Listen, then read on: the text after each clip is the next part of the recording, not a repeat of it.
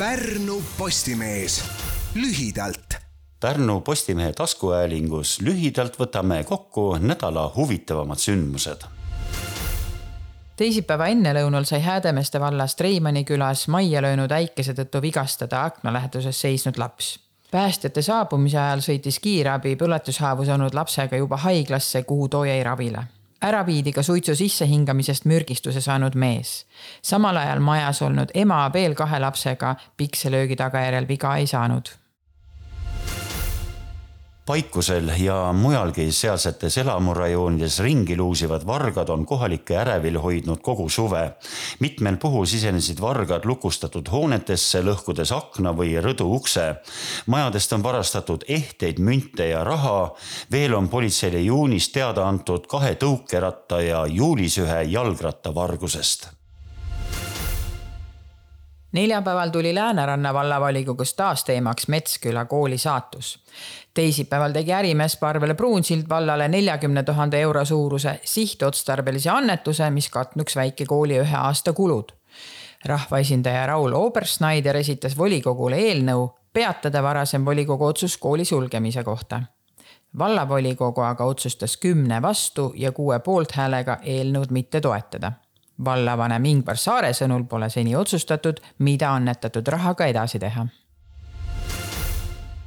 Pärnu sadama korvpallimeeskonna tiimiga liitus Hollandist pärit kahesaja kolmeteistkümne sentimeetri pikkune tsenter Menno Dijkstra Pärnu sadama peatreeneri Gert Kullamäe sõnutsi on tegu pika mängumehega, kes on ka korvist kaugel ohtlik pealegi on ta pärast USA ülikooli saanud juba kogemusi Euroopa korvpallis.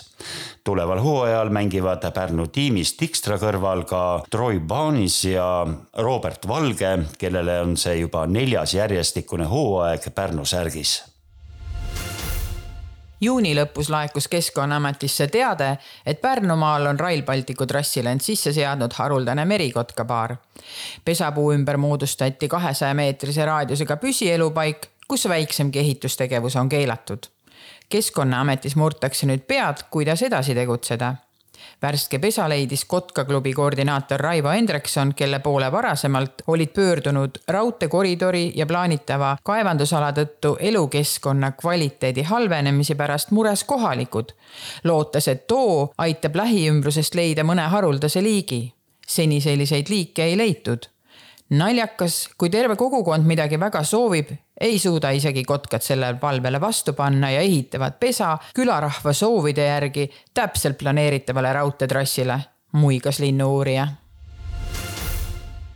Oma kümnendat aastapäeva tähistav Pärnu ja Viljandimaa muusikutest koosnev folkansambel Bossö andis välja oma teise albumi pealkirjaga lugusid maalt ja merelt uut kauamängivat tähistavad nad tänavakontserdiga oma lemmiklinnades Pärnus, Viljandis ja Tartus. suvepealinnas esinetakse järgmisel reedel Supeluse ja Roosi tänava nurgal selle nädala uudised võtsid kokku Pärnu Postimehe ajakirjanikud Raido Keskküla ja Merle Rallmann. helipildi toimetas Grete-Liisa Sihver. Pärnu Postimees lühidalt